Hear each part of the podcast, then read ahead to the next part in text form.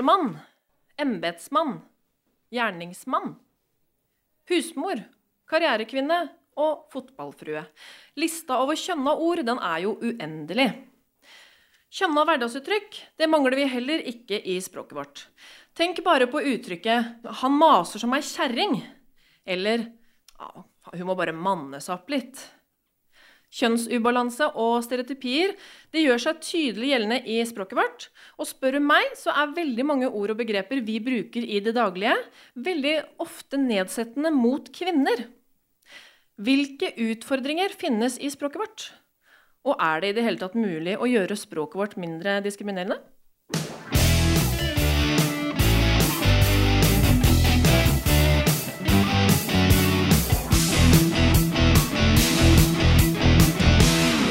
Ja, da vil jeg få lov til å ønske hjertelig velkommen hit til Larvik mikrobryggeri. Hei! Ja, takk. Det var bare et bevis på at jeg ikke sitter helt aleine i salen her. Mitt navn det er Loni Bjerkholt Pedersen, og temaet i dag det er som sagt kjønn i språket. Jeg sitter jo ikke her aleine, som sagt. Jeg har besøk av tre fantastiske gjester. Så jeg vil at vi skal gi en stor applaus til første kvinne ut, Myriam Bjerkli.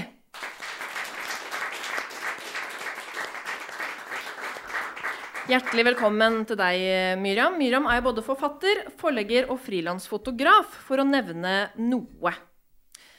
Neste gjest er Elin Dalling. Gi en stor applaus til Elin. Kunne sagt veldig mye om eh, Elin også, men hun er bl.a. forfatter, feminist og lektor på videregående skole. Hei, Elin. Velkommen. Takk. Og sist, men ikke minst, har vi besøk av Michael Smith som er styremedlem i Skeiv Ungdom Oslo og Akershus, transaktivist og barnehagelærer. Stor applaus. Du fikk jubling til og med, Michael. Det er veldig bra. Dere, Allerede i 92 så beskriver jo språkforsker Tannen eh, kvinners språk som et språk som vektlegger fellesskap, imens mannens språk er et språk som vektlegger hierarki, status og uavhengighet. Språkforskere snakker også om det kvinnelige dilemma. Og det vil si at hvis kvinner uh, påtar seg en mer sånn mannlig talestil, så vil det fremdeles bli dårligere mottatt, fordi de veit at avsenderen er kvinne. Har menn monopol på språket vårt, Elin? Eh, nei. nei, altså Jeg leste jo akkurat noe interessant om at uh, kvinner snakker uh, veldig mye, f.eks.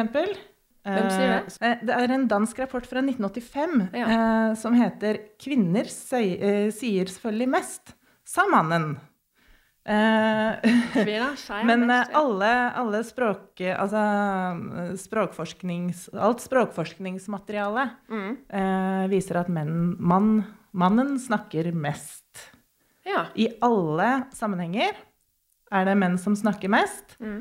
eh, bortsett fra når vi snakker med barn. Ja. Da snakker kvinner mest. Så da har jo menn eh, på en måte monopol på språket vårt, da. Ja, kanskje. Ja, delvis. Kjenner du igjen det i forhold til å snakke med barn, Michael? Du jobber jo sjøl i barnehage. Eh, ja, jeg merker egentlig det at eh, når jeg snakker med foreldre, så er det, det er mora som vet ungen sin. Ja. Faren bare er med og, er med og henter av og til, kanskje. Og ja. spiller fotball med sønnen sin, men har veldig lite interesse egentlig av hva dattera interesserer seg for. Eller hva sønnen egentlig liker å gjøre. Ja. For ungene blir jo veldig oppfordra til å drive med veldig tradisjonelle eh, Leve opp til tradisjonelle kjønnsroller. Mm. Selv om man prøver å unngå det, så er det noe som sitter veldig dypt hos mange. At eh, jenter skal være sånn og sånn, og gutter skal være sånn og sånn. Mm. Og ja, jeg tror egentlig det er damene som relaterer mer til barna sine. Mm. Så i ditt tilfelle vil du si at damene faktisk skravler mest? Ja, de, de, damene jeg snakker med, de skravler masse. det gjør du òg, kanskje? eller? Jeg skravler kjempemasse. Men det er jo det studiene også viser. At mm. når det gjelder å snakke med og om barn, der, jo, der står jo kvinnene fram. Og, der, og jeg har jo også en teori, dette har jeg ikke sjekka, men uh, når det gjelder tospråklige barn, mm. uh, så er jo teorien min at de barna som vokser opp med en forelder eh, fra et annet land, den vil fortere lære det språket hvis eh, innvandreren er mamma. Ja. Eh, Kvinne, ja. ja. Mm. Så la oss si, altså mine barn er brasilianske. Hadde vi bodd i Brasil, eh, så hadde de sannsynligvis vært gode til å snakke norsk likevel. ja. Mens det er vanskeligere for dem å være gode i portugisisk fordi det er pappaen. Ja, ikke sant? Fordi mammaer snakker mer med barna sine. Mm. Det, det, nå, jeg har ikke noe veldig voldsom empiri på dette, her, ja. men det er en hypotese. Og jeg har Mm. sett det, så jeg jobber med barn, og jeg Mm. ser det jo ofte Mm. med tospråklige barn at det, Ja. det er litt tilfelle, det der. Altså. Ikke sant? I hvilken grad vil du si at språk gjør seg gjeldende i ditt eh, hverdags, altså i din hverdagstale og din hverdag da, Miriam? Nå jobber jo jeg som forfatter og forlegger, så det er klart jeg er jo opptatt av språk, men kanskje ikke så mye i forhold til kjønnet språk. Nei. Ehm, Jeg tenker jo at det viktigste, altså det viktigste språk er jo kommunikasjon. Eh, Jeg er ikke nødvendigvis så opptatt av eksakt hvordan vi uttrykker det. Ehm, Og jeg tenker at i forhold til en del av de språklige forskjellene vi har, så er jo det det som er mer, er det som er mer skremmende, det er jo det vi legger i det. Det som ligger bak. Eh, Du prata om den eh, undersøkelsen hvor menn Vi har inntrykk av at kvinner prater mest, eh, men det egentlig er menn. Og det inntrykket har jo både kvinner og menn. Alle undersøkelser viser at vi, vi tror kvinner skravler mer. Eh, og det ligger jo litt i at vi kanskje føler dem skravlete tidligere. At vi har eh, kanskje i bunn og grunn mer respekt for det menn sier, at de har litt mer autoritet, mens kvinner da skravler. Mm. Jeg tenker at Det er mer skremmende enn eksakt orda vi egentlig bruker, tenker jeg. Absolutt. Det er jo ofte et argument som blir brukt eh, for å kalle folk for kjerring. Vet ikke om dere har hørt det? Kjerring. Mange sier jo at ja, det kommer jo av kjære. Det kommer av kjære og kjerring. Men uh, hvis dere leser denne her, den har jo vi tatt litt utgangspunkt i nå, så viser den jo det faktisk at uh, det kommer jo ikke av kjerring, men det kommer av Carl. Altså mann. Karling. Kjerring. Så det er jo et eksempel på det du sier, Miriam, at kvinnen er liksom det andre kjønn. Vi blir skapt i, i forhold til mannen, sett i forhold til mannen og sammenligna med mannen. Så det kan vi jo kjenne igjen. Men har dere mm, gjort dere noen tanker om altså det med titler? Det skal vi jo snakke om litt seinere også, men har dere fått med dere denne helsesøsterdebatten? Eh, ja, Ja. jeg har jo møtt mange helsesøstre Ja. mm -hmm. eh, som, eh, som lærer. ja. Um, og jeg kan jo forstå at en, eh, en mann gjerne ikke vil bli kalt helsesøster. Hvor, hvorfor kan du egentlig forstå det? Ja, Jeg tenker at jo ikke, det er fordi det ligger noe implisitt negativt i en kvinnelig tittel. Jeg tenker at og det, det er veldig, jeg ja, tenker for du at er det ikke er veldig skummelt. lenger. Jeg er ikke lærerinne lenger. Nei. Men jeg ville jo uh, ikke godtatt å bli kalt formann, for eksempel. Nei? Eh, jeg syns det er Det er jo et kjønna ord for meg. Mm. Men eh, hvis jeg blir tvunget til å kalt formann på et eller annet tidspunkt, så ja, hvorfor skal ikke da en mann kalles helsesøster? Altså da, Det blir det samme. Mm. Men jeg er jo prinsipielt mot Kjønna ord. ja. Ja. Uh, og, og ikke sant? Typisk kvinneyrke. Uh, sånn som i gamle dager så var da det å være formann, da var, det var jo typisk manneyrke. Men sånn er det jo heldigvis ikke helt lenger. Eh, selv om eh, det fortsatt er en vei igjen å gå kanskje til eh, full likestilling der òg. Men, men, eh, men hvorfor trenger vi egentlig kjønna titler? Nei, du ville ikke ha hatt smykka dem med mm, tittelen forfatterinne, Miriam? Forleggerinne? Jo, vet du hva, jeg syns egentlig ikke det nødvendigvis er Nei? så galt. Jeg, jeg er uh, relativt fornøyd med å være kvinne. Ja. Og da sier man to ting i samme ord. Men Eh, ikke jeg- kvinnelig forfatter. Nei, det er en annen ting. Det skjønner jeg ikke vitsen med at man skal eh, spesifisere. Men forfatterinne, ok. Jeg syns ikke det er noe At det er mer naturlig at vi da tok den ikke-kjønna versjonen som egentlig var den mannlige versjonen, altså forfatter. Eh, For den var jo der fra før. Akkurat som lærer, lærerinne. Altså Vi hevet liksom statusen og navnet fordi vi tok den tross alt mannlige versjonen som var der. Mm. Jeg skjønner ikke Nei, jeg tenker at det er, eh, det er ikke noe negativt at det at man er kvinne, ligger i ordet. Eh, Når man prater om kvinnelig forfatter, så ligger det noe, eh, en slags negativ eh, greie i det. Man tror at man skriver om andre ting. Altså det ligger mer bak. Og der er man igjen. Altså det som ligger bak ordene, det er jeg mer opptatt av enn selve ordet. Hvor står du i den diskusjonen her, Michael? Jeg syns egentlig at uh, ord burde være mer nøytrale. Ja. At det at man da har både en feminin og maskulin versjon av et ord, det gjør jo gjør, Intensjonen er vel at man skal gjøre det mer inklusivt. Men samtidig så blir det jo også veldig ekskluderende at man blir nødt til å velge ett av ordene når man skal snakke om seg selv. Og særlig blant de av oss som ikke hører hjemme i noen av kjønns, kjønnene som vi har. Sånn, hvis jeg måtte velge mellom å kalle meg for barnehageonkel eller barnehagetante Jeg syns jo det er noen veldig merkelige ord. Og jeg ville jo ikke egentlig brukt noen av de. Nei. Derfor har vi nok ord som, eh, som rommer alle. Ikke i det hele tatt. Nei. Vi har sånn, ja, sånn som uh, yrkesrelaterte ord. Der har vi jo postmann. Det er ikke så veldig mange som sier postdame. Det er jo ikke et eget øh, Postbud, kan man jo postbud, si. postbud, det er men veldig folk bra ord. sier postmann likevel. Ja, det, jeg hører Oftest hører jeg jo postmann.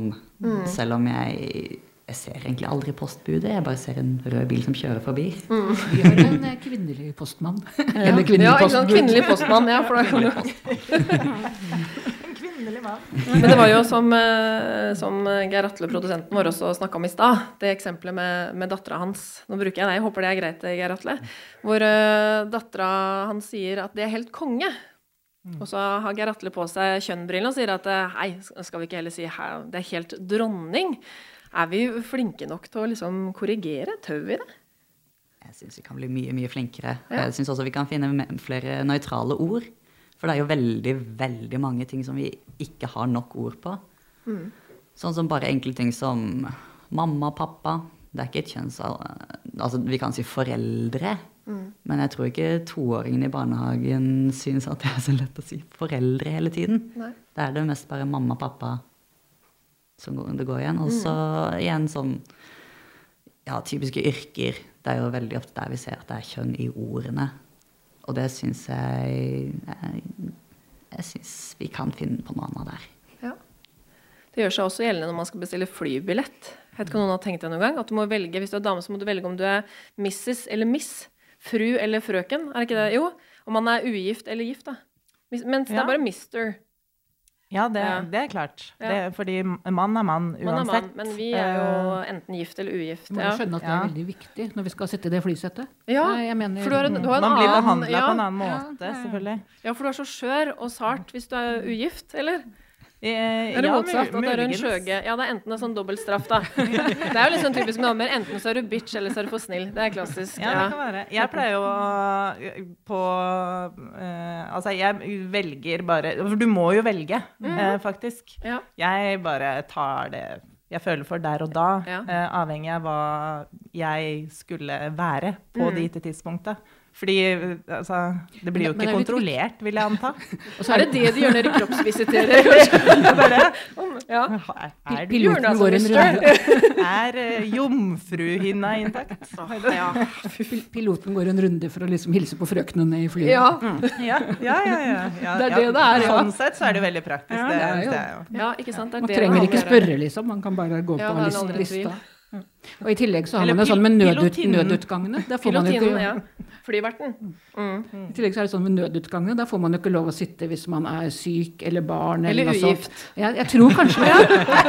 Jeg tenker at en frøken er litt uh, Er man sikker på at en frøken helt er Ja, det, det, det der? er man sikker på det. Så- Da, da er man ego, kanskje, da. At du ikke har noe mann og barn å tenke på. Nei, men man er jo litt svak som frøken.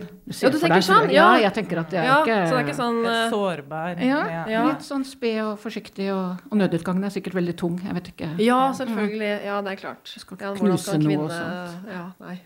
Ja, ja, men det lurte jeg. Kanskje det er noe dere vet? Fordi jeg er jo ikke så veldig opptatt av titler. Men når man har vært gift og ikke er gift lenger, hva skal En man gang velge fru, da? alltid fru. Oh, ja, det er sånn, ja. Har du ikke hørt det? Nei. En gang fru, alltid fru. Ja, det der kan du se. Ja. Ja, men da kan jeg fortsatt drive og veksle sånn Da kan du fortsatt få lov å velge nødutgang. Ja.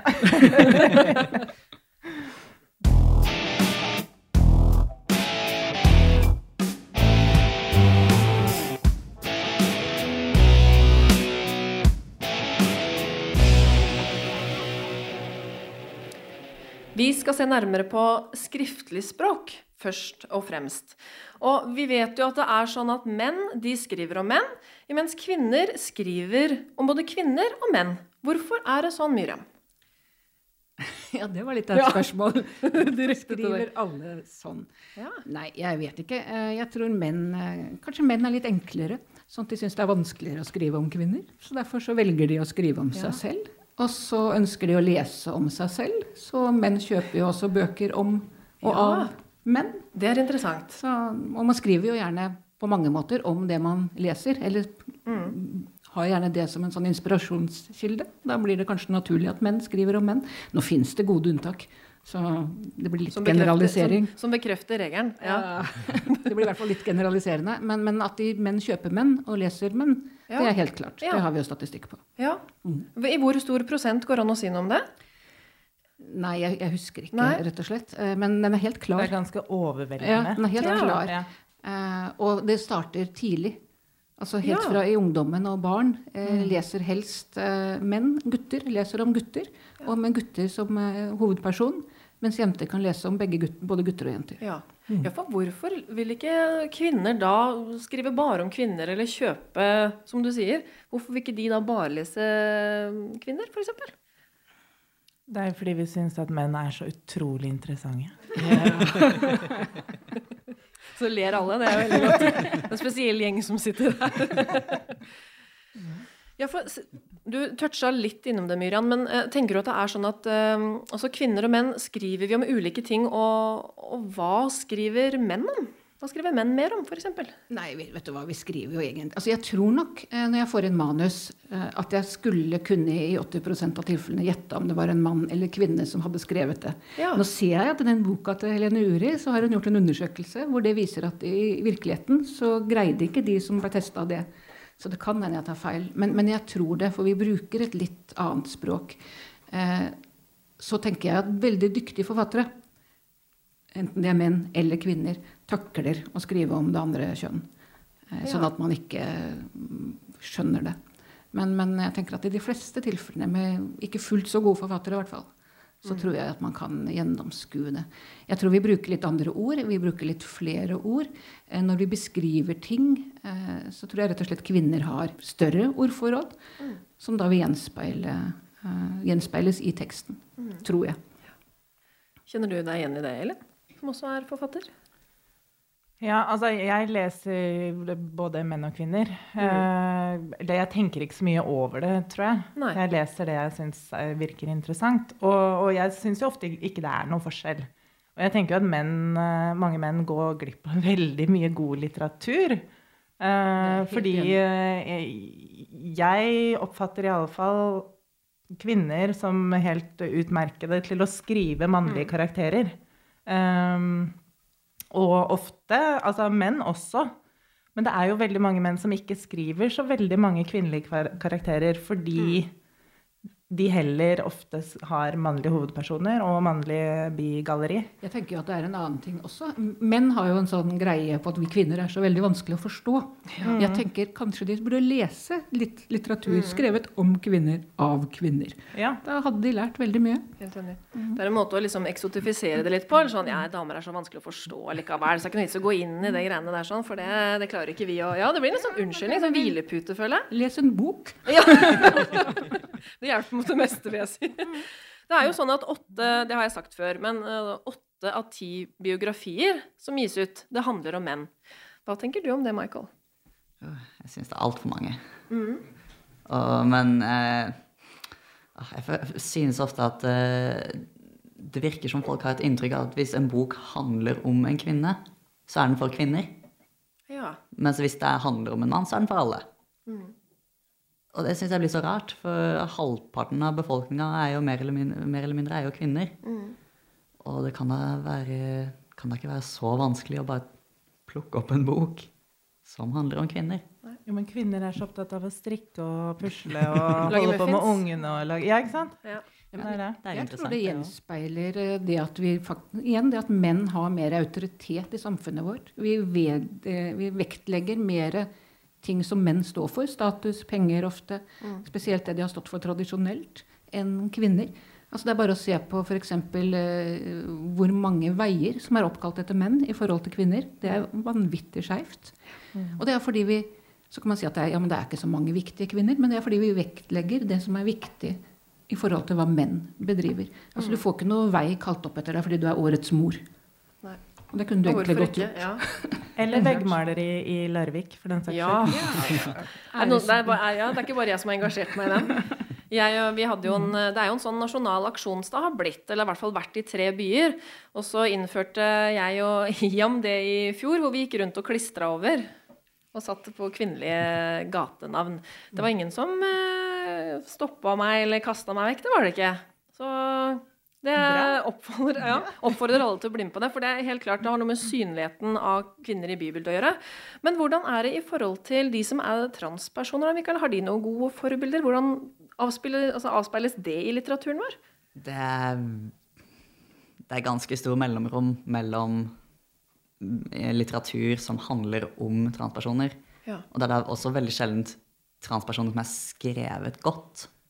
Fordi vi får jo veldig ofte dette bildet med f.eks. en transkvinne. Det er en mann som går med kjole. Ja.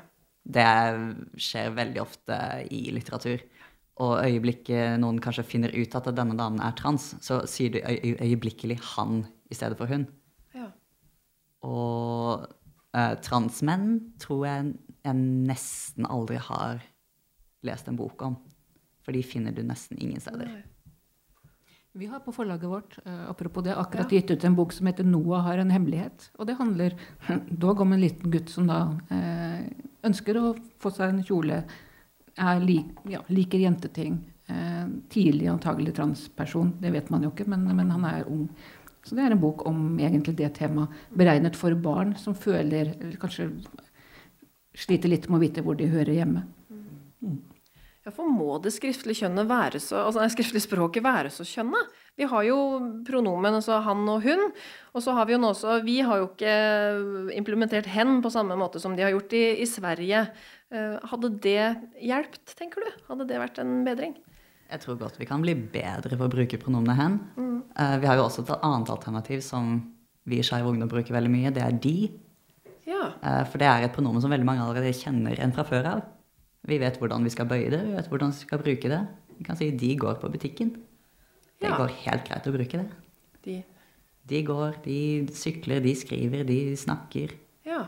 For jeg har kommet bort at det er veldig mange som ikke vet hvordan de bøyer hen. Ja. Sånn, ja for hvordan bøyer man hen? Ja, det blir jo hen. Hens.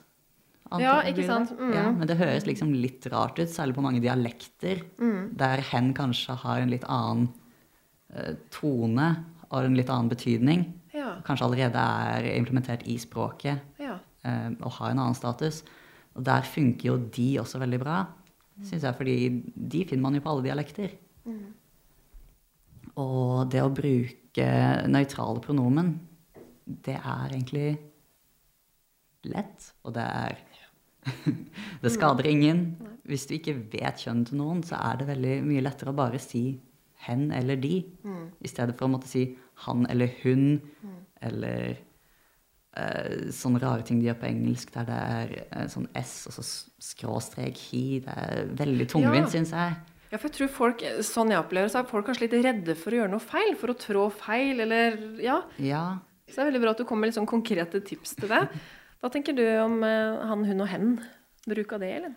Nei, eh, jeg kunne gjerne tenkt meg å bruke hen mer. Mm. For det, det, forenkler jo altså Det er som du sier, det er veldig tungvint å si ja, og så sa eh, han eller hun, eller så går man til han eller hun. Uh, I gamle dager brukte du bare han uansett. Mm. Selv om det var snakk om eh, en person som skulle ut i svangerskapspermisjon, så var det jo, da kunne han søke på det. For det var liksom når det ikke var noen spesiell person. Men nå, nå er det jo stort sett han eller hun. Men hen Jeg syns jo hen funker bra. De, jeg blir litt forvirra av de. Jeg tenker jo da at det er flere personer med en gang. Så jeg blir forvir, litt forvirra av det. Jeg vet jeg gjør det på engelsk og they ja, og dem. Det er veldig mange som sier akkurat at de, det er jo flere personer. Mm. Men de kan jo være en enkelt person. Ja, hvis du tenker sånn høflig form? Nei, ikke nødvendigvis, Aktiv. men det er jo Jeg har i hvert fall brukt det ofte når det er noen jeg ikke vet kjønnet på, f.eks. Mm. Sånn som 'Å, nå har de kommet med posten'. Ja, da, jeg tenker på to eller flere. Mm. Ja, det, nei, Men det, det, det er i mitt uh, grammatikkode, tror jeg. ja, Eh, at jeg nei, liksom ikke kommer forbi det. Men, eh, helt enkelt, men jeg, jeg. kan bli vant til det òg, hvis det er bedre enn hen. Jeg er veldig for å gjøre det som de personene som trenger det mest, føler er best. Om du skjønner? Altså, jeg- du må, all, må gjerne kalle meg hund. det funker. Men uh, hvis, uh, hvis man trenger noe nøytralt, så er det det, det beste. Eh, Ja, for man må jo ikke ha kjønna pronomen, som du sier. Men vi tenker jo at det, det er sånn det skal være. Ja, jeg har skjønt at det er noen som kan samisk her.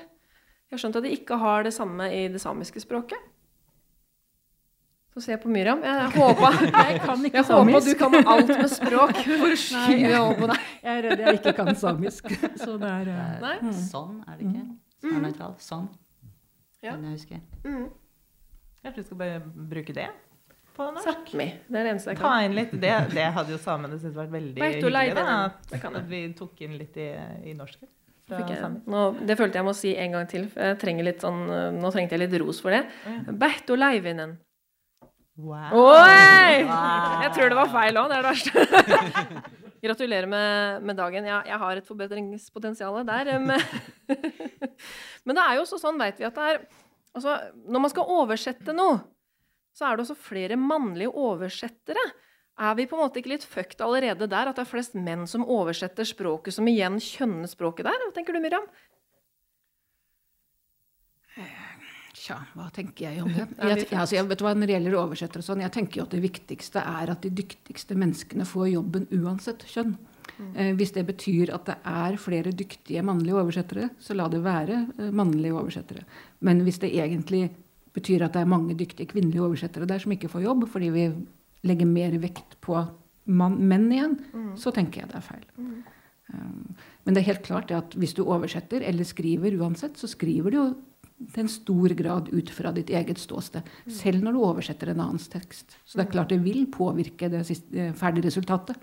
Det tror jeg. Eh, Men igjen, jeg syns jo de dyktigste skal få jobben. Da kan det hende at det er flere mannlige oversettere eh, som søker jobber også.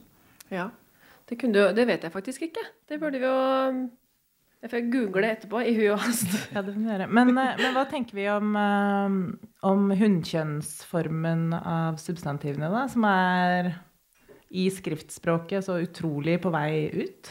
Jeg, jeg, jeg er bekymra for hunnkjønnsformer. Kan du utdype det for meg som ikke er lærer, som er en enkel sjel, som bare er komiker og ikke har noe Nei, altså alle hunnkjønnsord kan jo også bøyes som hannkjønnsord. Altså, ikke sant? Du kan si uh, enseng istedenfor eiseng.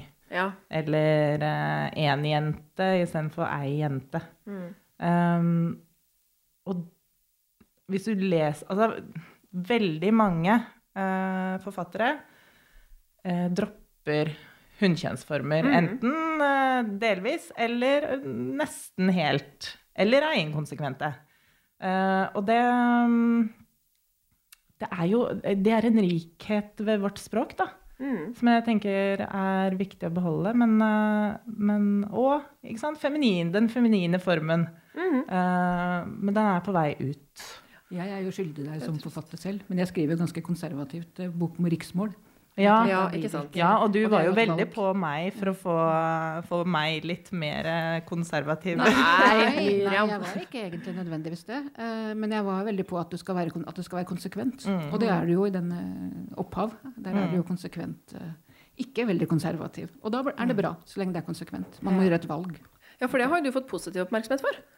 Ja, jeg har, jeg har fått gode tilbakemeldinger for at det er litt sånn talenært språk. Eh, men, eh, men det er klart, jeg, jeg syns det jo var litt skummelt. Jeg var uh, bekymra for hvordan det skulle bli tatt imot. Ikke bare fordi jeg hadde A-endelser, altså hunnkjønnsformer, men jeg bruker også A-endelser. Det er veldig lite typisk kvinnelig å gjøre det, faktisk. Både i talemål og å skrive. Ja. Fordi det oppfattes som uakademisk og useriøst og sånn, Mm. gjerne. Jeg vet Um, Redaktøren din var ganske skeptisk der. Um, Så det var heller der det lå. Ja, og korrekturleseren. Og Ja. det er masse motbør. Men eh, jeg sto på mitt. Jeg, jeg syns det er viktig, fordi jeg er så opptatt av å bevare de formene, da. Og særlig den hunnkjønnsformen av substantivene. Mm. Jeg, jeg jo, Første året jeg jobba som lærer, var på Ullern i Oslo.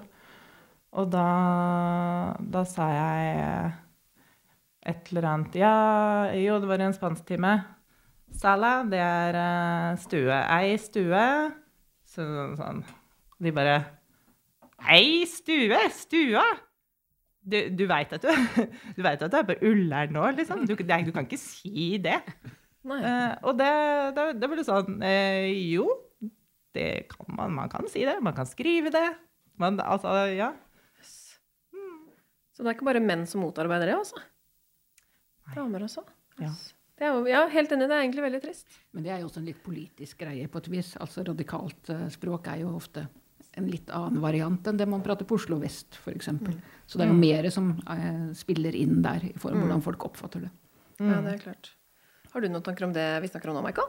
Jeg syns det høres kjemperart ut å si stuen. Ja. For der, der, er der, jo- der jeg er fra, så gjør vi gjør vi jeg ikke aldri det. enig. Aldri. Der, der jeg er fra, så sier vi staua. Ja, hvor du er fra.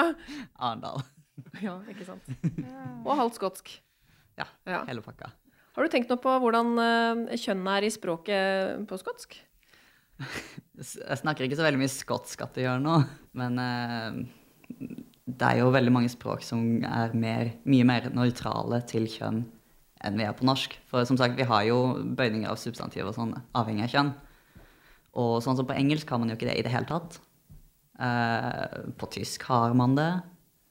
Det er veldig forvirrende. Jeg, jeg i tysktimene på videregående var ikke mm -mm, Nei. Det, men, men ja, jeg syns jo det er veldig interessant det med kjønn sånn sett. At uh, hva er det som har gjort at uh, et språk utvikler seg på den måten? At noen har, har kjønna substantiv, og noen andre ikke har det? Men uh, litt felles for mange språk er jo at, at den mannlige formen trumfer den kvinnelige. Ja. Uh, I spansk og portugisisk og de latinske språkene f.eks. så er det jo Altså hvis det er bare gutter, så er det uh, den mannlige formen på substantivet. Og adjektivet og alt som følger med, på en måte, for det henger sammen. Er det bare jenter, så er det den kvinnelige. Men er det jenter og gutter, da blir det gutteformen. Og, det, og sånn er det gjennomgående i hele språket. Så der har, de har ikke intet kjønn, eh, de har, det er bare mannlige og kvinnelige. Men det er hele veien Altså det er den mannlige formen som er liksom normalen, utgangspunktet, og som trumfer alt annet, da. Eh, Med mindre det skal vises at det, nei, dette, nå er det bare kvinner det dreier seg om. Eller bare kvinne et eller annet relatert. Da er det rom for eh, kvinners språk på alle vis, da, når det er kvinner. Ja, Mm. ja vi snakker jo om, om skriftlighet og litteratur, men det er jo også sånn at det er menn som er mest aktive når det kommer til å hetse folk på nett, og de hetser jo da kvinner. Hvorfor kan det være sånn? Jeg tror Hva kanskje det feiler dere? Nei da. Jo da. Vi, vi fortjener det sikkert. Nei, jeg tror kanskje mange menn der ute sitter med mye oppsamla sinne. Eh, kanskje de, ting er jo i endring. Eh, det her med likestilling er jo for mange menn noe herk. Eh, så jeg føler at de kanskje, tenker at de kanskje har et behov for å få ut ting. Og da er jo da nettet og det å fungere som nettroll er jo en uh, måte de kan gjøre det på. Og så er det en måte hvor det er veldig kort vei fra hjernen til, til skjerm. Så de, de får liksom ikke noe tid til å tenke seg noe særlig om heller. For veldig mange av de angrer jo når de blir eh, spurt. Eh, når de blir konfrontert med det. Eh, jeg tenker at menn, altså Mange av de er misfornøyd. De har de her forferdelige feministiske kvinnfolka og De har gått på livets harde skole ja, òg, ja, tror jeg. Ja, mange av de har jo de det. det går jo ikke igjen. Og de, de sliter kanskje på jobben eller har mistet jobben. Eh, Nei, de er litt sinte på samfunnet i det hele tatt. Mm. Og kvinner, og, ja, og til dels også utlendinger selvfølgelig, eh, er jo det da det her går utover. Mm. Eh, Og spesielt damer, da, for vi har jo kanskje vraka noen av de, eller ja, gjort noe annet helt uforståelig slemt. Ja. Aldri sett på dem, kanskje. For eksempel. Ja. De har, ja, skal kanskje ikke utdype det. Ja, for det også vet vi jo vokser fram sånne nettsamfunn. Eh, det vet jeg ikke. Det kanskje nå, Siden du er så ung og lovende, Michael, så alt som har sånn uh, sosiale medier og sånn, da bare ser jeg bort på deg. Men det er jo egne nettsamfunn uh, med unge menn da, som kaller seg for et eller annet med rejects, som danner sånne nettsamfunn, hvor de på en måte henger fram også kvinnelige kjendiser og oppfordrer til gruppevoldtekt og sånn. Og det er, det er i veldig vekst, kjempesvært. Hvor det der hat og de skriver så blekket spruter eh, både til hverandre og, ja, og om kvinner. Er det noe du har lest om eller kjenner noe til? Uh, ja, jeg har jo sett det. Jeg er jo litt på internettet, jeg òg. Ja. Men Dette her er internettet. Det her er det var sånn backfire til meg. Det er bra. Det er. Jeg er ti år eldre enn deg, vet du. Jeg har aldri hørt om det greiene der, faktisk. nei, Har du ikke det? Nei. Men jeg er jo eldre enn deg igjen. så Ja, ja, det er det, da. Du har også samfunn hvor, hvor eh, jeg tror ikke nødvendigvis de går på å utøve vold mot kvinner, men de går på det at de, kvinner, at de skal ikke ha noen kvinner. Kvinner er bare søppel. Ja. De trenger det ikke og vil ikke ha det. Det er jo også, det som ofte går igjen der, er jo også Unnskyld. At det ofte er menn som kanskje ikke velge, kan velge helt fritt. Ja. Eh, Så isteden så trøster de seg med at eh, kvinner er, er, ikke, er ikke verdt å ha. Jeg tror det er veldig mange som, har det, som syns det er mye lettere å kunne gjemme seg bak den anonymiteten som man har på internettet. Det gjør det mye lettere å få uttrykke alle disse tingene som de har stengt inni seg. Helt klart.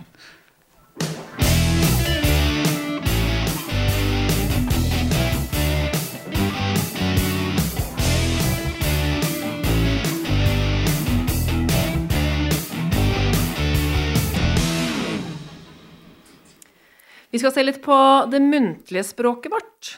Og vi vet jo at det er sånn at kvinner vegrer seg for å uttale seg i mediene i større grad enn menn. Eh, Jeg var på og hadde et oppdrag forrige uke på Økofestivalen. Og eh, han som er arrangementssjef der, sa at eh, jeg er veldig opptatt av å få flere kvinner inn, og jeg pleier alltid å ha flere kvinner på forsiden av programmet osv. Men han også sa det at eh, ofte, de vegrer seg mye oftere. Men de sier alltid ja, ja, ja, uten å nesten å tenke seg om. Mens damer på en måte Nei, det vet jeg ikke om jeg får til, eller er kanskje litt mer sånn eh, De må tenke seg om noen ganger. Er det en, Hvor står dere i forhold til det, Elin? Må du tenke deg om når du får eventuelle oppdrag? Eh, mer og mer, kan du Ja, si. To Eh, jeg har gått gått i fella x antall ganger, for jeg er veldig sånn Ja, det kan du gjerne gjøre. Ja, jeg sitter er jo, nå sitter jeg jo her, da, for eksempel. Mm. Men det, jeg, det føler jeg er trygt. Men, eh, Et eksempel på din eh, eller kanskje Nei, forresten. Dette, dette kan backfire når jeg tenker meg om nå. Mm. Men det er ofte sånn Jeg husker jeg for det er i hvert fall ti år siden stilte opp i en eh, VG-artikkel om den galopperende renta. jeg var ny på boligmarkedet, og en venninne som jobba i VG, og, som, og så trengte det en som kunne si noe om at det ble litt eh, trangt når renta gikk så mye opp så raskt og sånn. Så tenkte jeg ja, ja, hvorfor ikke? Så vi var hjemme og tok bilde på kjøkkenet mitt og sånn. Ja. Det, det kom jo noen litt ekle meldinger. Ja. Eh, ikke, det var ikke noe sånn 'Å, jeg skal voldta deg'-meldinger, heldigvis. Men, men det var sånn tilbud om å Ja, kanskje vi skal dele på husutgiftene Ja. på- fra ukjente numre. Og, og, og jeg syns det er litt ekkelt, da. At folk liksom 'Oi, hun her skal jeg gå og finne nummeret til'. Eh, kontakte sånn ut av det blå. fordi hun, hun var Altså.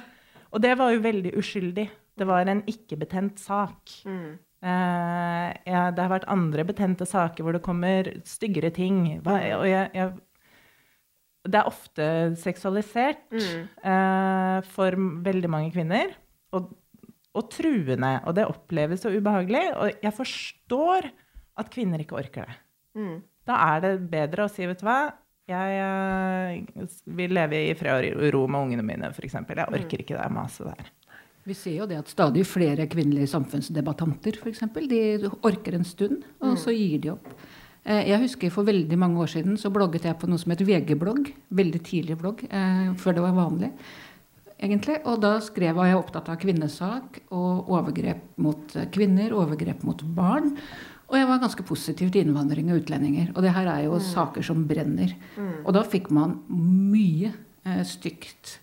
Og nå er jo litt på siden her, men f.eks. disse som hatet utlendinger, som kom hit og voldtok alle damene våre, de var veldig opptatt av at jeg trengte litt uh, ja? En aldri, ja, en aldri så liten pikk. Ja. Sånn at jeg kunne liksom skjønne hvor ille det var hvis vi fikk alle disse utlendingene hit. ja, ikke sant? Og det er en sånn merkelig selvmotsigende sak, tenker jeg. Litt, litt pikk kurerer alt. Pikk kurerer gruff. Ja. Det er noe for Alia. Men, men det var veldig mye stygt, så jeg, Ja. så jeg la den død etter hvert. For det blei for mye. Og det, det, var, altså det var jo ikke diskusjoner hvor det var noen form for saklighet. Ja. Ja. Det var ikke sånn at man kunne lære noe. Eller, eh, man, det er jo lov å være uenig, for all del. Men det her var jo ikke noe å lære av. Det var Nei. bare forsøk på å skremme meg til taushet. Ja, det er eh, min erfaring òg. Og særlig, eh, som jeg har snakka om litt før også, når man sier at man er feminist, så blir det veldig sånn Da gjør en seg til Hva skal jeg si Legge huet på hoggestaben. Jeg kjenner også flere som har valgt å trekke seg både fra politikken og verv i kvinneorganisasjoner etter de har fått barn. For de sier at de tør ikke ta sjansen, og det kommer trusler som nå da kan gå utover ungene i tillegg. Så, men hvorfor, eh, hvorfor tillater man seg å gjøre det? Hvorfor er det greit å gjøre det fordi det er damer, da? Hva tror du, Michael? Nei, det jeg veit ikke. Jeg tror det er veldig mye øh, om hvordan menn blir opptatt, egentlig. Og hvordan de skal være aggressive og helt på hele tiden. At øh, kvinner egentlig ikke har så mye de skulle ha sagt. Mener de ofte. Og jeg, ja, jeg tror egentlig det kommer tilbake til helt fra de var små. Så er vi tilbake til disse sinte mennene igjen. Og de fleste har det jo, når de undersøker det, så er jo veldig mye menn 50 pluss. Mange av de har jo familie, de har døtre selv. Og likevel så går de ut I med alderen som de de heter. Ja, altså det er, det er jeg syns det er veldig, ganske utrolig, egentlig. Eh, ja, men mye oppsamlet sinne, rett og Ja. slett. De har nok følt seg forbikjørt mange ganger. Og så vil jeg jo si det, Nå høres det ut som vi er veldig negative til menn. De fleste menn er jo ikke sånn. De fleste menn er jo ålreite, eh, respektable, hyggelige menn som hvis de går over streken, ofte ikke egentlig tenker over det selv engang, men gjør det ubevisst. Eh, De fleste menn sitter ikke og kaldskaster dritt på, på nett. Men altfor mange gjør det. Og mange nok til at det skremmer folk, spesielt kvinner, da, fra å ytre seg. Og det er trist. Men Du var jo inne litt på det, Michael, det der med at vi har ulik oppvekst. Og så tenker du at eh, gutter og jenter eh, oppdras Vi får litt sånn ulik språklig oppvekst da? Ja, jeg tror, jeg tror det er saken, altså. At eh, jenter fra de er veldig små, blir ofte oppfordra til å være mer stille og rolige. Og jeg tror det også reflekterer på språket, at de kanskje uttrykker seg mindre om ting. Fordi de er jo opptatt til å være ja, stille og rolig og sitte og perle ved bordet, mens gutter ofte har den oppveksten at de skal være aktive og løpe rundt og få skrike og hoie. og det reflekterer jo da igjen til at når de vokser opp, så kan de være skrikete og hoiete og lage masse lyd og uttrykke seg om ting de ikke har peiling på. Er det noe du tenker mye på eh, når du jobber i, i barnehage? Altså hvilket språk du bruker, og hvilket språk eh, de andre ansatte bruker, og ikke minst barn? da? Altså, hører du at de begynner å kjønne ting veldig tidlig? Jeg er jo veldig opptatt av det at eh, barna skal ha samme mulighetene, gjerne samme oppveksten, så i hvert fall så mye jeg kan bidra med det. Men jeg ser jo ganske tidlig at det er veldig høylytte små gutter som ofte ikke får noe tilsnakk, og de får eh, ofte flere sjanser før de blir snakka til, enn jentene. At hvis en jente står og skriker om et eller annet, noen som tar en leke, så er det med en gang bare hysj, ikke skrike, Ja. eh, vær stille. Mens guttene får lov å rope og skrike og slå hverandre med pinner omtrent før noen snakker til dem. ja, ikke sant? Slår de hverandre med pinner i videregående òg, Elin? Eller? Nei, men, eh, men bare for å holde litt på den der. fordi jeg tror vi er veldig mye raskere til å si Vær forsiktig. Ikke gå der. Ikke klatre så høyt. Ikke gjør det. Happ, happ, happ, happ, happ, liksom. liksom. Med jenter enn det eh, vi er med gutter. At de får lov til å liksom herje mer, eh, slå seg mer. Eh, altså, ja, klatre høyere opp i treet, da. Og kanskje bli litt tøffere av det. Eh, og det er viktig. Og der har, helt, der har jeg synda òg, det vet jeg. Uh, og jeg har bestemt meg for at nå jeg skal slutte å, å si så mye sånn Å, pass på, pass på, pass på. Ja, for du har to Nei, døtre. Ja. Mhm. Og de, nå, de skal forstå seg mye. Og jeg skal ikke bry meg en dritt. Ja, så får vi klapp for det. Det er bra. Nei, men det er litt viktig, da, at de Mm. også får kjenne på det, og at det er greit å teste de fysiske grensene litt. Fordi Mm. Jenter må bli tøffere generelt sett. De må bli mer robuste. Eh, fordi eh, jeg, ser, ja, jeg ser det jo ofte at de som er, sliter mest i eh, psykisk eh, blant ungdommer, når de begynner å bli sånn 15-16-17-18, eh, det er jenter. Ja. Det er gutter òg, men det er flere jenter som føler at de ikke strekker til, at de ikke får til, de tør ikke prøve, de tør ikke rekke opp hånda. Uh, de tør ikke ta så mye plass, da, som, eh, Stille høyere krav til seg selv. guttene gjør. Mm. Mm. Ja, det er jo sånn klassisk uh, Ikke begrep, men sånn um, et uttrykk, da. Det med 'boys will be boys'. Fy faen. Jeg orker ikke å si det engang. Det er det verste uttrykket jeg vet om. Og det er jo, husker jeg veldig godt på, på barneskolen òg. Det er en liten digresjon, men det er innafor temaet likevel. For da var det sånn at da pleide guttene å slå oss på rumpa og lugge Det her er på barneskolen. Lugge og sånn, da.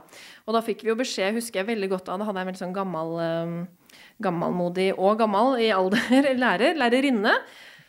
Og hun sa jo det at eh, ja, når jeg skreik og var lei meg og fortalte det, så sa jeg at han er bare forelska i deg. Ja. Ja, og det har jeg hørt, for jeg har konfirmasjonsundervisning og litt andre ting, og det har jeg hørt at det holder altså lærerne på med enda. Å unnskylde det, at å slå på rumpa og lugge, det er greit. Når det er en jente, for at det man må bare, må bare flørte litt med det. Det, må du, det er bare koselig, det. Ja, og da sier jo voksne én eh, ja, gutt, det er helt greit at du holder på med det der. Mm. Eh, og så sier de eh, jente, det må du bare finne deg i. Mm. Fordi han er jo bare, ikke sant? Han er jo bare en gutt. ja. Ja. Når han la han flørte litt med deg. Ja. Det er noen som eh, følger meg på Facebook og sånn, og har sett den jeg delte et innlegg i, det var vel i går, en, en sånn tegneserie hvor det står Hvis menn hadde flørta som fugler. Så er det tre bilder av hvor eh, en, en mann er som en fugl, og han sier 'Jeg har laget en dans til deg som jeg har øvd på et halvt år, og nå vil jeg vise den fram til deg.' Og så var det sånn 'Nå har jeg funnet masse stein og, og fine ting jeg vil gi til deg.' Og så var det en fugl, da. To fugler som sitter hverandre. Det er så morsomt. Og så sier han mannefuglen, han kikker sånn truende bort på damefuglen, så sier han uh, I just send you a dick. Please respond. det er litt sånn Ja, sånn er det blitt. Apropos kommunikasjon. Men har du noe um, Har du lagt merke til det, Michael, i barnehagen, at noen av de andre ansatte har eh, gjort en lignende greie? Og så sagt at eh, var må mål lov å tøyse litt, eller slå hverandre litt, eller om det er noen kjønnsforskjeller der? Ja. Ja. Opptil flere ganger. Ja. Jeg har opplevd gutter som har drevet og slått på hverandre og kasta ting og vært typisk gu- guttegutter, som noen kanskje vil kalle det. Og en av de andre ansatte har bare sagt akkurat det. Ja, det, det der må du tåle. Ja. Ja, det, nei, det der må du bare tåle, for sånn er det bare. ja, da er det du som er liksom så sart, da, eller kjip, eller? Ja, nå ødelegger du jo leken for alle de andre ved å si ifra. Ja. det føles veldig som det er det de prøver å si. At Ja. eh, de ansatte egentlig bare vil være i fred. Bare la, la, de, la de slå på deg. Det går helt fint, det. For hvordan er det å være i det når eh, du er eh, i starten av 20-åra og jobber med Du jobber, har kanskje en del andre som, eller kollegaer som er eldre enn deg. Hvordan Ja. er det å tørre å si at det, det der er ikke greit? Eller det har ikke noe med kjønn å gjøre? Å være den derre kjønnsadvokaten, på en måte? Eh, Jeg føler jo at eh, det er litt, skummelt å så måtte ta tak i de her som har jobba med det her i kanskje 40 år og vet absolutt alt om Om barneoppdragelse. alt. Mm. De vet alt om De alt. ja. de har oppdratt eh, seks egne barn og 15 barnebarn, så de vet alt om det her.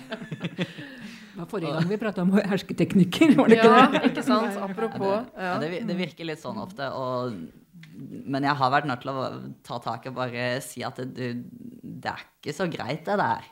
At uh, unge lærer at det er helt OK å slå andre og lugge, og at da andre barn skal si at ja, ja, det er, det er sånn de viser at de er glad i meg. For hvordan vokser de ungene opp da? Når de lærer at hvis noen slår de, så er det en måte å vise at eh, de er glad i deg og passer på deg, og at det her er helt OK. det er jo ikke greit på noen måter. Og det er jo et av de største menneskerettslige problemene i Norge i dag òg. Altså menns vold mot kvinner. Eh, Det er det vi får eh, kritikk for av FN, eh, gjerne, år etter år. Mm. Der, her har vi mye å hente fortsatt, selv om mye annet er på stell. Og det er jo litt den samme greia når man da blir voksen. Og vi kvinner til en viss grad godtar det jo. ikke sant? En mann som er sykelig sjalu og kanskje brutal, han, han er jo bare veldig, veldig glad i meg. Ja. Vi har jo lært det. Ja, for hvordan er det, tenker jeg at det er store forskjeller på um, ungdom kontra voksne? Altså En ting jeg har tenkt med konfirmantene mine, blant annet, eller når jeg jobber på sånn aktivitetscamp, det er at eh, de hyppig bruker ordet bitch. Jeg syns det er veldig fælt. Jeg synes det er jæv... Da blir jeg forbanna hvis noen sier bitch. Det syns jeg er fælt. Mens de bruker det litt sånn styrkende, og til og med Nicki Minaj og andre musikere sier jo bitch, altså I'm the bitch, eller bruker det som noe positivt. Hva betegner du deg som det noen gang, Elin? Eh, ja, men eh, i ordets eh, rette forstand, holdt jeg på å si. Altså, jeg, nei, jeg, jeg klarer ikke helt å legge noe positivt i det ordet. Men det kan hende jeg er for gammel. Det er kanskje en måte å ta litt makt over begrepet på et vis. Altså Man fyller det med sitt eget innhold. Eh, styrke, da. Fun fact, det er jo det eneste ordet som har fått eh, hunnkjønnsform Ja. av de engelske låneorda. Ja. For det, det er altså alt som kommer fra andre språk, det blir automatisk hannkjønnsord eller intetkjønnsord, bortsett fra bitch. Ja. Det kan være ei, men det er som oftest én, det òg, da. ja. Men, En eh, bitch. Ja. men ja, nei, jeg, jeg klarer ikke helt å legge, det, legge noe positivt i det, altså. Hva med deg da, Michael? Um, jeg tror det egentlig er litt, litt opp til hver enkelt, føler jeg. Det er jo noen som bruker det om seg selv, kanskje, for en måte ja, ta tilbake begrepet litt og bruke det som noe som styrker deg selv. Men det er, det er en veldig stor forskjell mellom å kalle seg selv noe enn å ha noen, at noen andre kaller deg noe. Så er det klart, Hvis du kaller deg selv det, så kan ikke de andre ramme deg på samme måte. Da må de finne på noe annet. Da må de, det, det, det Altså at ordet, man stjeler det litt på en måte og ja, kaller seg ordet, det sjøl først. ordet mister makten. Eller Ja. den, det stygge ved ordet mister makten. Mm, ikke sant? Men hvis vi tar oss og tenker og Orda er jo én ting, og så har vi jo eh, tonefall, mimikken og kroppsspråket. Og det også er jo ulikt, sier ifra altså, kvinner og, og menn. Da, som jeg sa i stad. Så hvis det var sånn at kvinner tok til seg en mer sånn mannlig talestil, og hvis vi tenker at da får man stemmen lenger ned, og du får mer kraft, altså du er mer, har mer sterke gester, litt, kanskje litt mer morsk, og så så har det jo noe å si for budskapet, men allikevel så hjelper ikke det for damer. For da prøver vi bare å være noe vi ikke er, så vi blir straffa uansett. Kjenner dere igjen det, eller? Statistisk så viser det seg jo altså Politikere går jo gjerne på kurs for å lære seg å prate mer kvinnelige politikere, prate mer mannlig, legge stemmen dypere, bli tatt mer alvorlig. Eh, Men statistisk så viser det seg jo at det hjelper jo ikke. Vi er fremdeles kvinner. De vet at det fremdeles er kvinner som snakker. Og det er mulig vi irriterer noen litt sjeldnere, men vi har fremdeles ikke den mannlige autoriteten som eh, ja, Vi er fremdeles kvinner. Tenker du noe på det når du skal formidle, eh, Elin? Hvis du skal ha en bokopplesning og sånn, eller i skolesammenheng? At nå må jeg Ja, stå på en sånn måte, eller nå må jeg være mer Ja. Nei, jeg har aldri tenkt over det, men jeg har jo skjønt, eh, ettersom jeg har eh, lest litt om eh, emnet, at jeg er jo veldig typisk kvinnelig foreleser. Fordi jeg prøver å engasjere publikum, jeg stiller eller, eller sånn retoriske spørsmål. Ja, ikke sant? Eller ja, hva, hva tenker dere om det? Prøver å få med og sånn. Mens det er mye mindre typisk for mannlige forelesere, visstnok. For der er det mer sånn Det jeg sier, det er lov.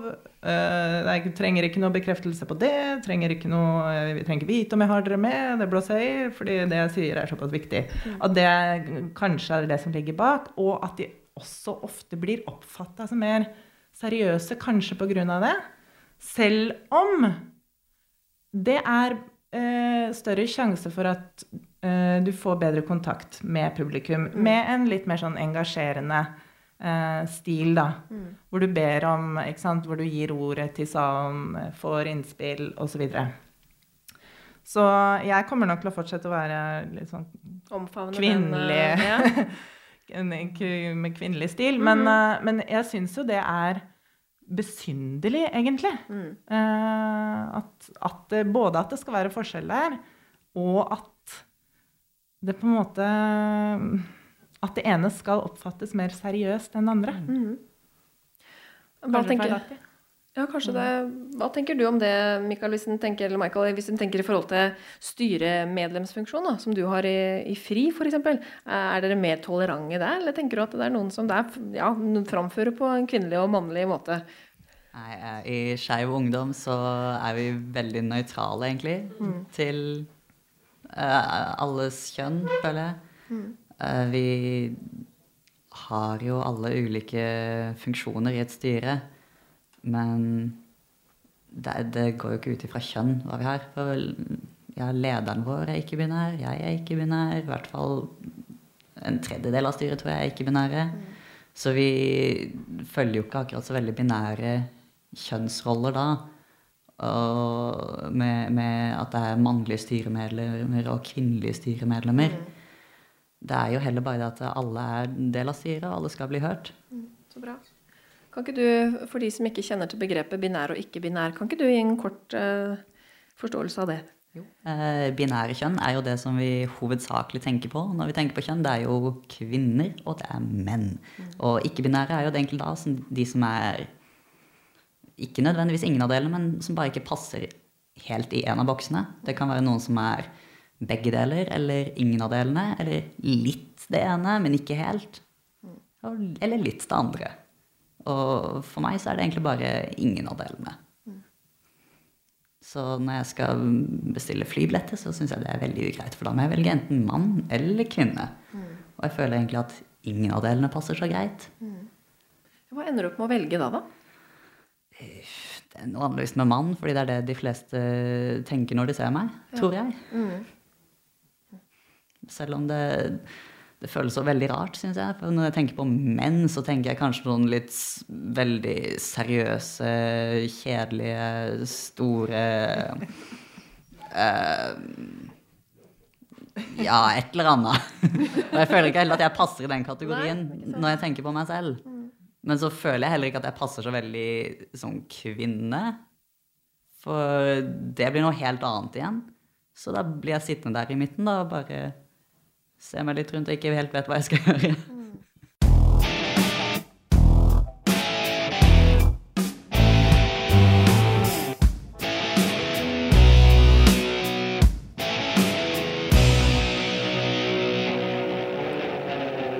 Vi kunne jo sitte og snakke om det her i ukevis, og stakkars Myriam som kommer fra det ene oppdraget til eh, det andre. Men hvis vi skal prøve å liksom trekke trådene litt her, da, Altså, hva, hva er liksom status når det gjelder det skriftlige og muntlige språket, da? I forhold til kjønn? Elin? Nei, altså menn har jo fortsatt uh, hovedopsjonen, da. Eh, særlig eh, ja, det med at, at det mannlige er normalen, og så er det kvinnelige det er avarten. At man ser det behovet hele tiden for å Ja, når man skal ramse opp forfattere, da, for eksempel, så er det mannenavn, mannenavn, mannenavn. eh, Forfatter, forfatterne Eh, Dag Solstad, Lars Saabye Christensen eh, og de to kvinnelige forfatterne eh, det og det. Og det, jeg tenker at det er, det er et sånt signal å sende ut om at ja, dette er de ordentlige forfatterne, og så er det de der kvinnene som også holder på å sysle med noen sånne som skriverier. Mm. Ja. Eh, og det, det er litt for mye. Uh, det er altfor mye av det til å være så eh, 2018 Mm. som det er. Man ser jo ofte også når man ramser det opp, så bruker man veldig mye oftere fornavn på kvinnene, Ja. mens hele navnet til mennene. Og eh, når man ramser opp, så bruker man også ofte mennenes navn først. Altså man gjør ofte Den viktigste personen kommer som regel først. Unntaket er noen tilfeller hvor den er høflig og damene først. Men, men er sånne oppramsinger og sånn, mennene kommer først, og ofte med helt navn. Kvinnene derimot har mye oftere bare fornavn. Så du tenker at det er et eh, forbedringspotensial, er det som er status på språket? Ja, Vi har jo helt klart et forbedringspotensial. Og det starter jo med at vi tenker over det. eh, Sånn at vi ikke bare fortsetter å gjøre det samme helt ubevisst. For jeg tror ikke de fleste gjør det bevisst eller for å fordi de ser ned på kvinner nødvendigvis. Det er en ubevisst greie hos de aller fleste, tror jeg. Er du enig i den eh, konklusjonen, Michael, i forhold til hva som er status hos eh, kjønn? Skriftlig og muntlig. Hva tenker du er status? Eh, Nei, jeg tenker at det gir mening. Du kjenner deg igjen i det? Ja. ja. Vi, Men- vi sitter jo her og er nordmenn, for eksempel. Ja. Mhm. Englishman? Jeg er norsk. Norsk? Ja. Ja, jeg klarer ikke å si at jeg er nordmann. Det, det, det er helt merkelig for meg. Ja.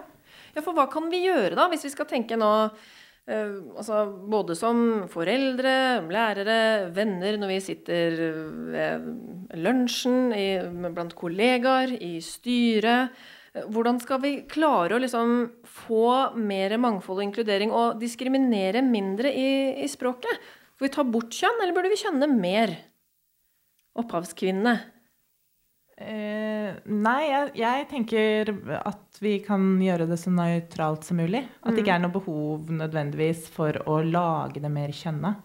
Uh, si istedenfor 'snakk med sidemannen', så sier man 'snakk med den som sitter ved siden av deg', eller 'snakk med sidepersonen', eller Ja, altså Det skal ganske lite til, da. Eh, eller eh, første, 'første som kommer frem, vinner', istedenfor 'første mann til mølla'. Um, og det men hele språket vårt er jo gjennomsyra av det derre altså At det tydeligvis bare var menn som drev og holdt på med ting før. Og så er det jo ikke sånn lenger. Det var jo ikke sånn før heller. Det var jo bare Man har jo et inntrykk av det. ja, normalen. Tanke på Jeg tenker jo det kanskje at det viktigste er at vi bygger opp statusen ved det å være kvinne, og kvinnelige verdier. at vi bygger, Da er det egentlig det samme, litt, synes jeg, det samme hva man kaller det. Eh, for da er det ikke noe negativt med det. Problemet per i dag er at det på veldig mange måter har mindre verdi i det øyeblikk det er kvinnelig, en kvinnes, kvinnelig sak, en kvinnelig verdi, noe kvinner er opptatt av. Eh, lær døtrene våre at eh, det faktisk er vel så fint å være kvinne som å være mann, og at det som interesserer vårs, er vel så viktig som det menn bedriver. Mm. Og det er klart, da er tiden litt på vår side i forhold til utdanning, i forhold til hva som faktisk skjer i samfunnet. Det blir vanskeligere og vanskeligere å late som om kvinner er eh, Ikke fins. mindreverdig. Hva tenker du da, Michael? Hva kan vi gjøre? Og burde vi ta bort og så ha det mer nøytralt, eller kjønne mer? Eh, Jeg er jo egentlig veldig for nøytralisering generelt. For selv om man kanskje prøver da å inkludere flere ved å gjøre ting mer kjønna, så ender man jo ofte opp med å egentlig ekskludere, selv om det ikke er intensjonen. For ved å gjøre ting nøytralt, så blir alle inkludert. Ved at man ikke tar, gjør antakelser ved, ved folks kjønn. Og så er det jo rart at det er så viktig. Jeg tenker det, Hvis man gjør en jobb eller fungerer i et samfunn og, og lever et liv, er det veldig viktig altså Det med kjønn går jo egentlig mest på det vi har mellom beina. Er det veldig viktig de fleste? Jeg, syns jo det stort sett er ganske uviktig. Ja, jeg er litt delt, for jeg ser jo absolutt det nøytrale perspektivet og tenker at ja, alle skal være med. Samtidig så er også jeg veldig sånn, kanskje også fordi jeg er eh, feminist, at jeg er veldig sånn stolt av det, det eh, erkekvinnelige. Også som du sier, at når noen sier opphavsmann, så jeg sier opphavskvinne, eller da bruker jeg det bevisst. Men det er klart at jeg jo da diskriminerer mot en annen gruppe. Så konklusjonen er vel at vi bør absolutt ha det mer nøytralt. Og ikke minst, som du sa, Myram, begynne med oss sjæl og reflektere over hva vi faktisk sier.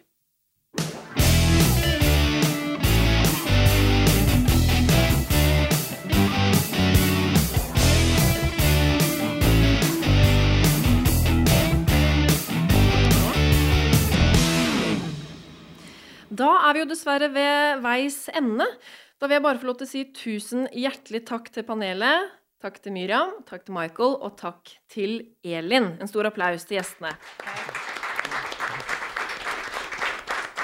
Så vil jeg også rette en takk til Tormod Ugelstad, som hjelper oss med alt det tekniske og ting som jeg ikke er god på. Og ikke minst tusen takk til Geir Atle, som er produsent, og som styrer lyd og lys, blant annet. Den podkasten her den er jo produsert av Virvel eh, AS, og neste podkast den finner sted her sånn klokka sju 2. november. Da skal vi snakke om feminisme à la 2018. Hva det vil si, hvorfor vi er så redde for det begrepet. Og min første gjest er eh, en mann som er, er livredd for ismer. Som syns at feminismebegrepet er eh, veldig ekskluderende og bare noe rør. I mellomtida så kan dere følge oss på Facebook og Instagram, og gå inn på statusrapport.net eller på podkastappen din på telefon for å laste ned denne episoden. Tusen hjertelig takk til publikum. Stor applaus til dere. Mitt navn er da Loni Bjerkholt Pedersen. Takk for meg.